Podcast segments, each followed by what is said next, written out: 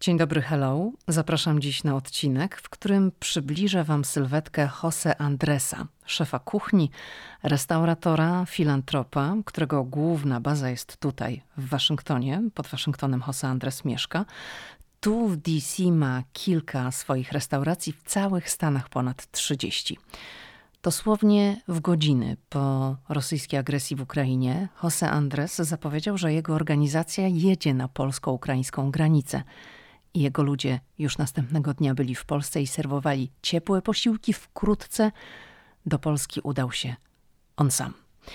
Zanim rozpocznę, jeszcze chcę podziękować za wszystkie piękne słowa w recenzjach podcastu, za kolejne zamówienia książki Ameryka i my, którą napisaliśmy wspólnie z mężem. A teraz już zapraszam na najnowszy odcinek. Hej, tu Lidia Krawczuk, dziewczyna ze Szczecina, która wylądowała w Waszyngtonie. Ameryka mnie fascynuje, żyję w niej od ponad dekady i cały czas ją odkrywam. Podróż do Stanów Zjednoczonych była zawsze moim marzeniem. Nie sądziłam jednak, że w Ameryce kiedyś zamieszkam. Jeśli ciebie, tak jak mnie, ciekawią Stany i chcesz wiedzieć o nich więcej, to jesteś we właściwym miejscu. Opowiadam tu o Ameryce, o życiu w Stanach i o tym wszystkim, co odkrywam podczas mojej amerykańskiej przygody. Zapraszam na podcast Ameryka i ja. Zaczynamy.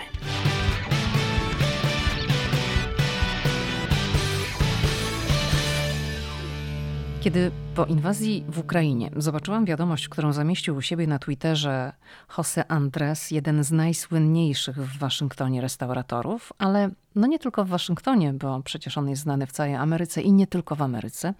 Założyciel World Central Kitchen, organizacji non-profit, która zajmuje się dostarczaniem posiłków w czasie klęsk żywiołowych.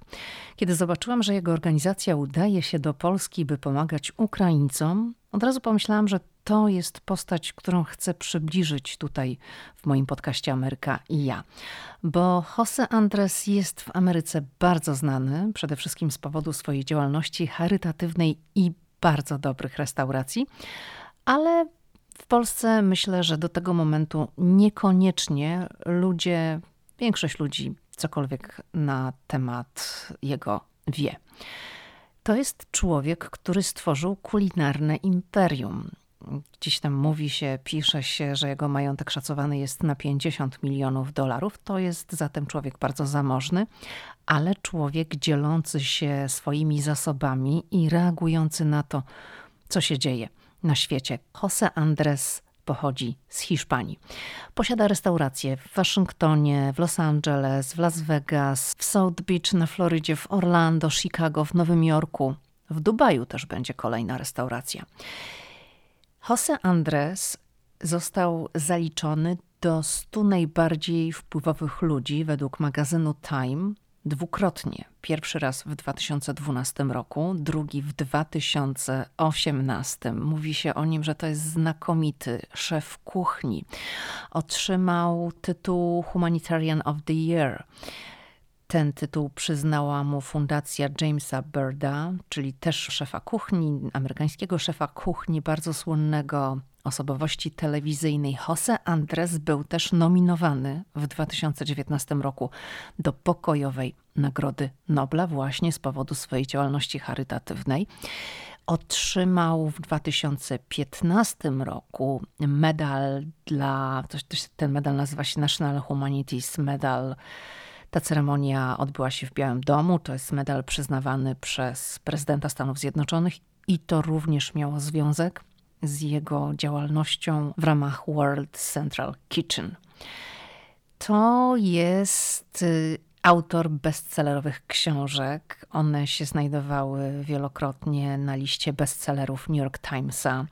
On jest osobowością telewizyjną, jest kimś, kto edukuje w zakresie i kulinariów, ale również sytuacji na świecie. Te jego restauracje mają różne kategorie. Można też znaleźć e, food trucki sygnowane jego nazwiskiem, ale są też restauracje takie powiedzmy na średnio zasobną kieszeń i na taką bardziej zasobną. I może kilka słów o nim powiem teraz, ile ma lat, gdzie się urodził. Ma 52 lata, rocznik 1969. On się zapisał do szkoły kulinarnej w Barcelonie, gdy miał 15 lat. Potem kilka lat później, kiedy miał 18 i no, musiał zaliczyć służbę wojskową, to został przypisany dla pewnego admirała jako kucharz.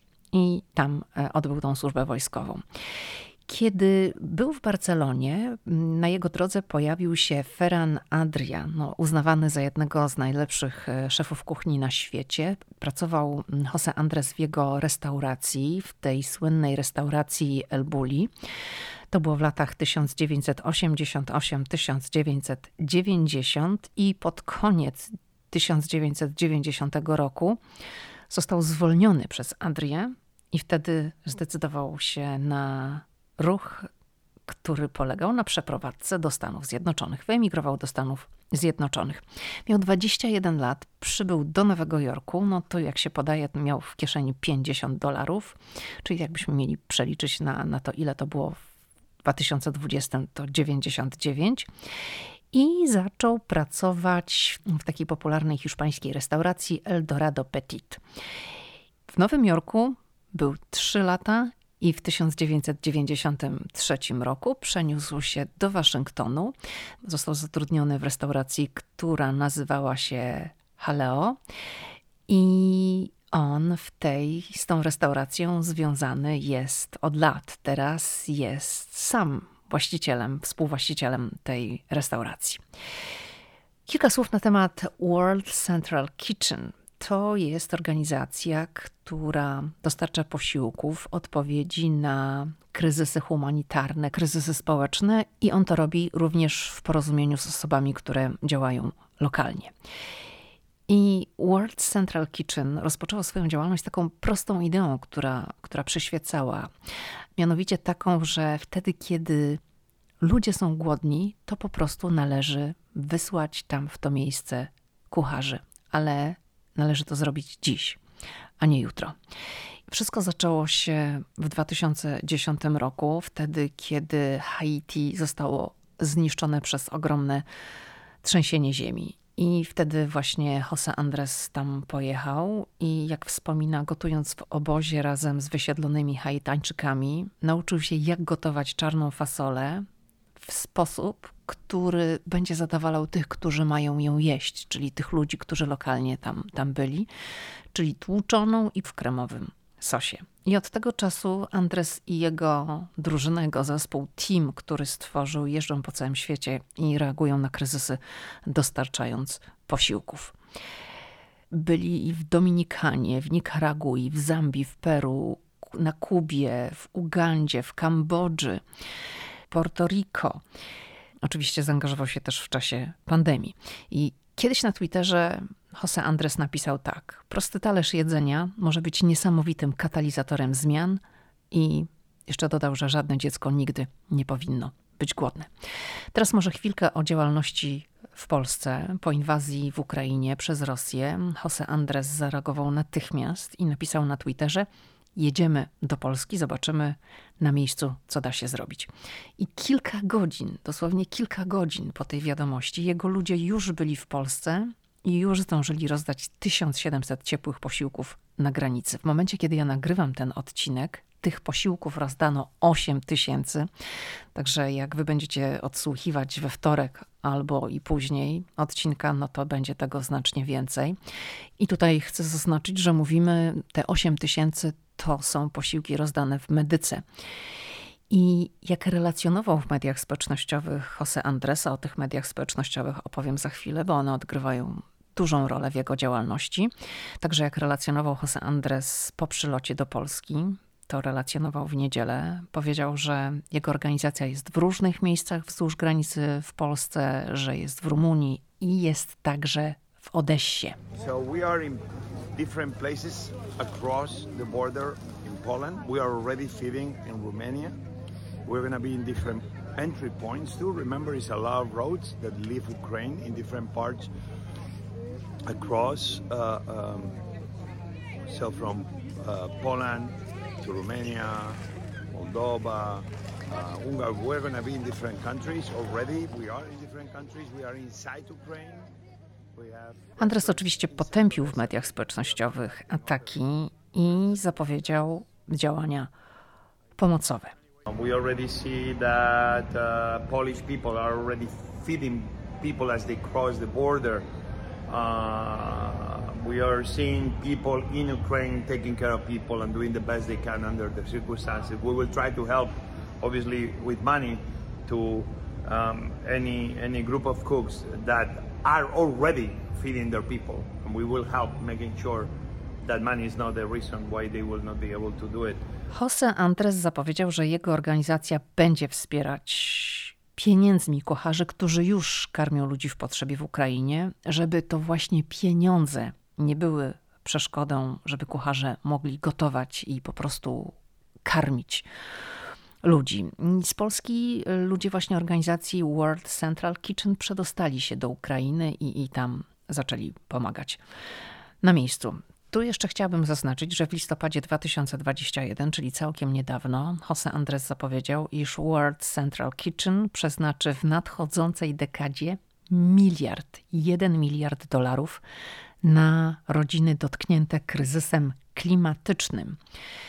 I on to tłumaczył tak, że ekstremalna pogoda napędzana kryzysem klimatycznym prowadzi do większości katastrof, na które właśnie reaguje World Central Kitchen.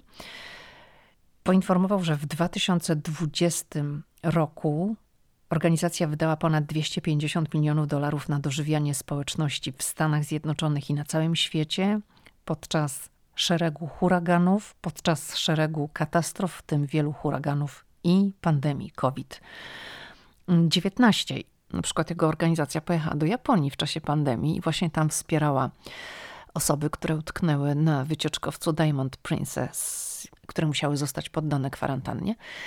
I tam również rozdawano posiłki. I wracając właśnie do tej zapowiedzi, że przeznaczy miliard dolarów w czasie najbliższej dekady na ludzi, którzy są dotknięci kryzysem klimatycznym.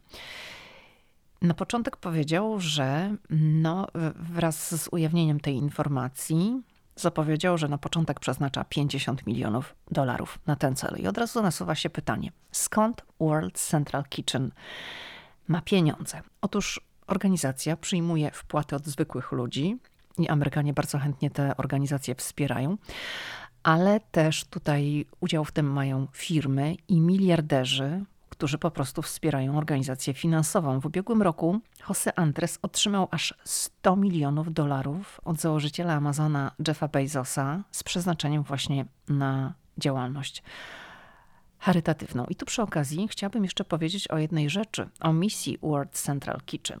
Oni mówią tak, że na całym świecie istnieją 3 miliardy ludzi, którzy gotują używając ciągle tak zwanych brudnych paliw, czyli węgla drzewnego i w ogóle drewna.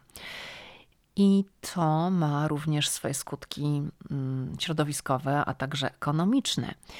Dobrze, to może teraz chwilę o tym, gdzie Jose Andres mieszka. Jose Andres mieszka, tak jak powiedziałam, pod Waszyngtonem w Bethesdzie.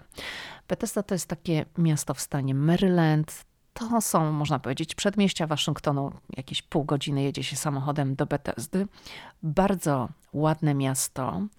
Miasto, w którym jest piękna dzielnica willowa, tam są, słuchajcie, takie domy, jak się pojedzie, że no naprawdę to są domy za miliony dolarów. Jose Andres mieszka tam z żoną, to jest, e, oni są małżeństwem, zdaje się, ponad 20 lat, mają trójkę dzieci, trzy, no dorosłe już praktycznie córki. Wspominałam o tym kilka chwil temu. Jose Andres bardzo aktywnie działa w mediach społecznościowych. Ponad 700 tysięcy osób obserwuje go na Instagramie milion na Twitterze i Jose Andres korzysta z tych mediów społecznościowych intensywnie, sam wrzuca filmy, sam mówi do kamery, sam nagrywa, pokazuje i działalność humanitarną, ale również pokazuje swoje restauracje. I ta działalność w mediach społecznościowych bardzo pokazuje również jego charakter, że on działa szybko, że szybko reaguje czasem jest zabawnie, czasem jest poważnie, czasem musi coś odkręcić. I chciałabym tutaj przytoczyć takie dwie sytuacje, bo one obiły się szerokim echem, zwłaszcza tutaj w Waszyngtonie, kiedy właśnie Jose Andres napisał coś, no zwłaszcza na, na Twitterze, bo ten Twitter Twitter, powiedziałabym też w ogóle, trzeba zaznaczyć, ma inny charakter niż w Polsce, bo ten Twitter w Polsce to w większości wokół niego skupieni są politycy i dziennikarze, a w Stanach Twittera używa też masa po prostu ludzi, którzy nie są ani związani z mediami, ani nie są związani z polityką. No po prostu są takimi zwykłymi, nazwijmy to, użytkownikami Twittera. I była taka zabawna sytuacja na początku tego miesiąca. Bardzo mnie to wtedy ubawiło, bo widziałam to od razu, jak zaczęło żyć. I teraz, kiedy przygotowywałam ten odcinek, to mówię, tak sobie to myślę, o rany, żebym tylko to znalazła.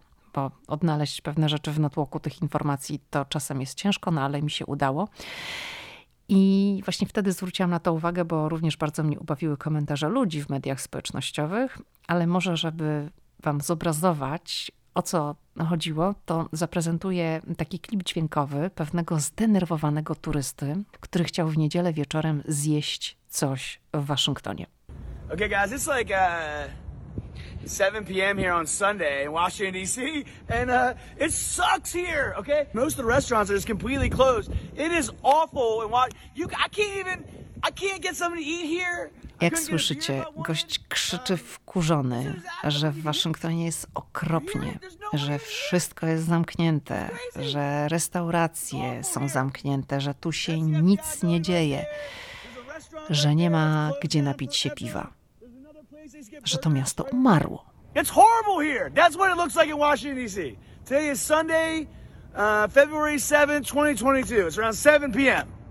It's dead. Jak słychać, gość wkurzony na maksa musiał to wykrzyczeć do telefonu i nagrać siebie i zamieścić w sieci. Muszę przy okazji Wam zaznaczyć, jako ktoś, kto żyje tutaj 13 lat, że ten człowiek znajdował się w części Waszyngtonu, w którym znajdują się budynki rządowe. Ten człowiek kręcił się w rejonie budynku FBI.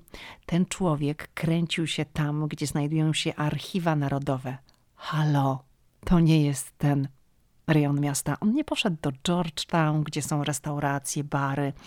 Nie poszedł do dzielnicy Adams Morgan, gdzie są też restauracje, gdzie są miejsca z muzyką. Czyli to są takie miejsca, gdzie jeżeli szukasz rozrywki, no to tam idź, tak? A nie tam, gdzie są archiwa narodowe albo budynek FBI.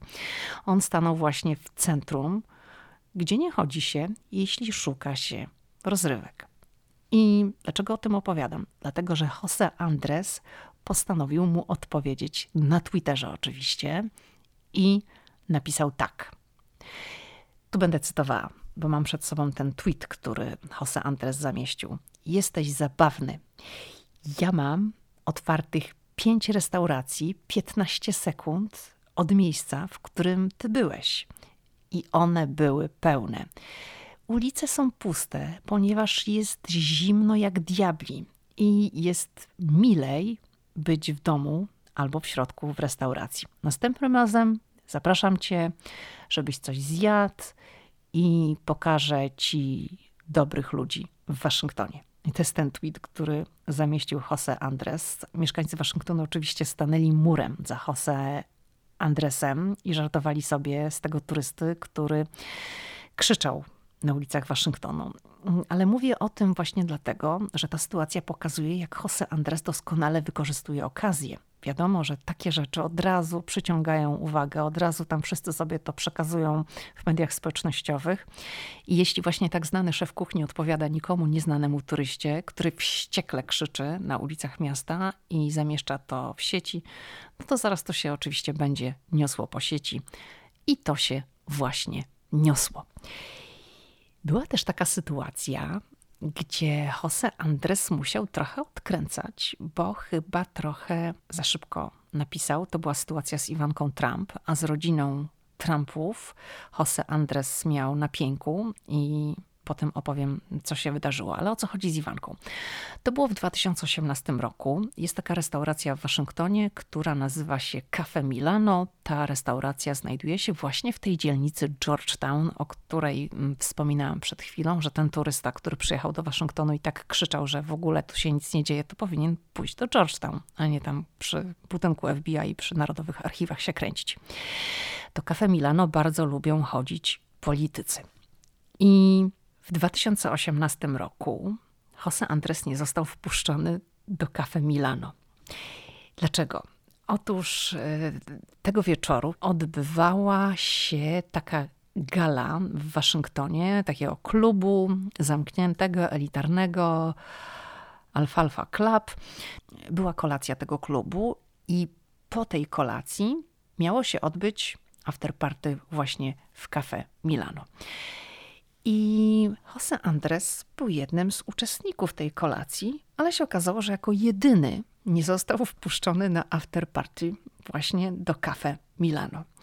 No to co zrobił e, Jose Andres? Jose Andres, który jest impulsywny i działa natychmiast i szybko wszystko robi, zrobił sobie selfie na tle właśnie Cafe Milano, do którego nie został wpuszczony. To tam na tym zdjęciu widać, że jest bardzo elegancko ubrany, jest e, w smokingu. No i wściekł się i na Twitterze napisał wprost do właściciela Cafe Milano, pisząc mu po imieniu Franco, ja byłem gościem na tej kolacji, wszyscy zostali wpuszczeni na afterparty, tylko ja jedyny nie. Czy to dlatego, że Iwanka Trump ci tak powiedziała? No i zrobiła się afera na cztery fajerki. Media w Waszyngtonie o tym pisały, że właśnie Jose Andres nie został wpuszczony. O co chodzi? Czy to Iwanka Trump go zablokowała? Ale następnego dnia okazało się, że Iwanka Trump w ogóle osobiście skontaktowała się z e, Jose Andresem i powiedziała, że ona nie ma z tym nic wspólnego, absolutnie. No i wtedy Jose Andres znowu musiał użyć Twittera i napisać, że bardzo dziękuję Iwance, że się do niego odezwała. No i że jej wierzy, że ona osobiście nie miała z tym nic wspólnego. No i zakończył, że pracujmy razem nad reformą imigracyjną, nad DAKą. Taka to jest ten program w odcinku o nielegalnej imigracji. O tym programie opowiadałam. To tak na marginesie wtrącę. Także tak troszeczkę się, powiedzmy to, załagodził. Cafe Milano również odpowiedziało Jose Andresowi na ten temat. No wszyscy troszeczkę tak jakby łagodzili tą całą sytuację. No ale to tak jak mówię, Jose Andres pokazał taki swój temperament i myślę, że właśnie to są te cechy, które powodują, że on z takim powodzeniem działa.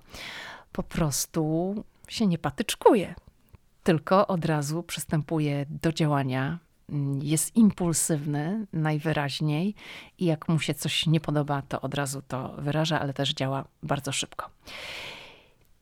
Mówiłam, że Jose Andres ma na pięku z rodziną Trumpów i chciałabym opowiedzieć trochę o znajomości Jose Andresa z Donaldem Trumpem. Od razu mówię, że ta znajomość to, no raczej można mówić w czasie przeszłym, że to się rozpadło z hukiem, to się otarło o sąd. Wszystkie media w Stanach Zjednoczonych o tym pisały, a w Waszyngtonie to był naprawdę wielki temat. Afera na cztery fajerki, mogę powiedzieć. Ale jak to w Ameryce, panowie zawarli ugodę. Już mówię o co chodzi. Będę tutaj musiała opowiedzieć o kilku wątkach, ale muszę opowiedzieć o tych kilku wątkach, żeby było jasne. Zacznijmy od budynku, który nazywa się lub nazywał się Trump International Hotel Washington DC. Powiem za chwilę, dlaczego należy o tym mówić w czasie przeszłym. Od początku. W zabytkowym budynku byłej poczty w Waszyngtonie mieści się, mieścił się jeden z najbardziej luksusowych hoteli na świecie, czyli Trump International Hotel Washington DC. Pięć gwiazdek i tytuł jednego z najbardziej luksusowych hoteli na świecie przyznał właśnie temu hotelowi w 2018 roku magazyn Forbes, który tworzy swój ranking zatytułowany Forbes Travel Guide. I w tym historycznym budynku przy Pennsylvania Avenue, czyli przy tej samej ulicy, przy której stoi Biały Dom, przy tej samej ulicy, wzdłuż której co cztery lata przechodzi parada z okazji inauguracji prezydenta USA, czyli od Kapitolu po Biały Dom, czyli widzicie, że to jest jedna z najważniejszych ulic w Waszyngtonie. Przy tej ulicy stoi ten budynek. I w tym budynku poczta funkcjonowała do 1914 roku, a potem był to po prostu biurowiec. W ostatnich latach ta nieruchomość była w rękach Trump Organization, czyli imperium, które zbudował przed objęciem urzędu był już prezydent USA Donald Trump. Dlaczego ten historyczny budynek znalazł się w rękach Trump Organization? W 2014 roku, czyli dwa lata przed wygraniem przez Donalda Trumpa wyborów prezydenckich w USA, jego firma podpisała z rządową agencją General Services Administration umowę na 60-letnią dzierżawę budynku. I dzięki temu miliarder, wtedy jeszcze nie prezydent, mógł rozpocząć realizację swojego projektu, czyli przekształcenie dawnej poczty w luksusowy hotel z 270 pokojami, z których każdy ma średnio 57 metrów kwadratowych powierzchni. Koszty renowacji tego obiektu pochłonęły 200 milionów dolarów. Hotel otwarto w 2016 roku, zanim jeszcze Donald Trump wygrał wybory. I teraz tak, jeśli kiedyś będziesz w Waszyngtonie, to idź do tego hotelu, ja tam byłam wiele razy. Dlaczego zachęcam? Zachęcam, żeby skorzystać z możliwości wjazdu na wieżę zegarową tego budynku, by bezpłatnie zobaczyć panoramę stolicy USA z wysokości ponad 80 metrów. Wieża zegarowa w budynku Starej Poczty w Waszyngtonie to jest druga po monumencie Waszyngtona najwyższa budowla w stolicy USA, bo w Waszyngtonie nie ma drapaczy chmur. Ta wieża jest obiektem publicznym. Hotel nie ma nic do tego i każdy może za darmo wjechać na taras widokowy, żeby popatrzeć na panoramę Waszyngtonu. I po tym wstępie dotyczącym obiektu wracamy do znajomości Jose Andresa z Donaldem Trumpem. Na kilka miesięcy przed tym, jak Donald Trump ogłosił start w wyborach prezydenckich, a ogłosił wiosną 2015 roku, Panowie podpisali umowę, iż w Trump International Hotel Washington DC Jose Andres otworzy swoją restaurację. To miała być flagowa restauracja hotelu, to miało być kilka, ale właśnie ta, którą miał otworzyć Jose Andres, to miała być taka ta no, najważniejsza. Big deal, jak to się mówi w Ameryce. Ale, ale Donald Trump wygłosił swój słynny komentarz na temat imigrantów z Meksyku mówiąc, że są przestępcami, dealerami narkotyków, złodziejami, gwałcicielami. To było mniej więcej pod koniec czerwca 2015 roku. I Jose Andres znalazł się pod odstrzałem. Mieszkańcy Waszyngtonu zaczęli go wzywać, żeby się wycofał z tej umowy, żeby no, nie robił żadnych interesów z Trumpem. Jose Andres oczywiście odciął się od tego komentarza. No, powtarzał, że jego spojrzenie na imigrację jest jasne, że wszyscy mężczyźni i kobiety powinni być traktowani z szacunkiem, niezależnie od ich statusu. Ale to było oczywiście niewystarczające i zapewne już wtedy restaurator zastanawiał się, jak się wyplątać z tej umowy. Natomiast musimy pamiętać o tym, że przecież podpisuje się stosowne klauzule i groziły mu kary za złamanie umowy, kary, które idą w miliony dolarów. No i oczywiście Jose Andres postanowił się wycofać. Donald Trump natychmiast go pozwał na 10 milionów dolarów za złamanie warunków umowy. Na co Jose Andres odpowiedział również pozwem i pozwał go na 8 milionów dolarów, argumentując jakby ta retoryka w kampanii wyborczej sprawiła to, że, że nie będzie w stanie zatrudniać osób, które są z Ameryki Południowej i nie będzie atrakcyjny dla patronów, dla osób, które mogłyby wesprzeć te restauracje, które są związane z Ameryką Południową.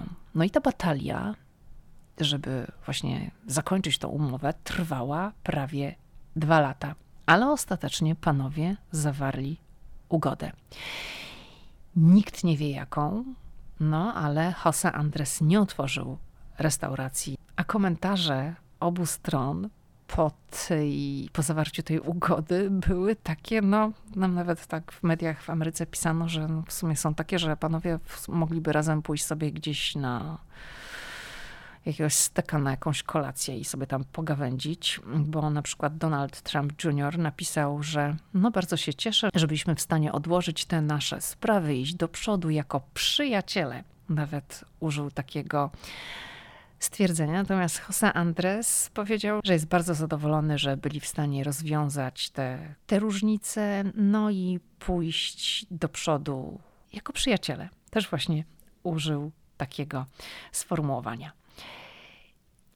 Kończąc także, no nie ma tej restauracji, ale kończąc ten wątek, to chciałam jeszcze powiedzieć właśnie słowo o samym hotelu, który nie jest już w rękach Trump Organization. Pod koniec roku, czyli pod koniec 2021, w Waszyngtonie pojawiła się informacja, że rodzina Trumpów się tego hotelu pozbyła. Dlaczego się pozbyła? Dlatego, że, no jak wiadomo, Donald Trump był prezydentem bardzo kontrowersyjnym i ten hotel przynosił mu straty.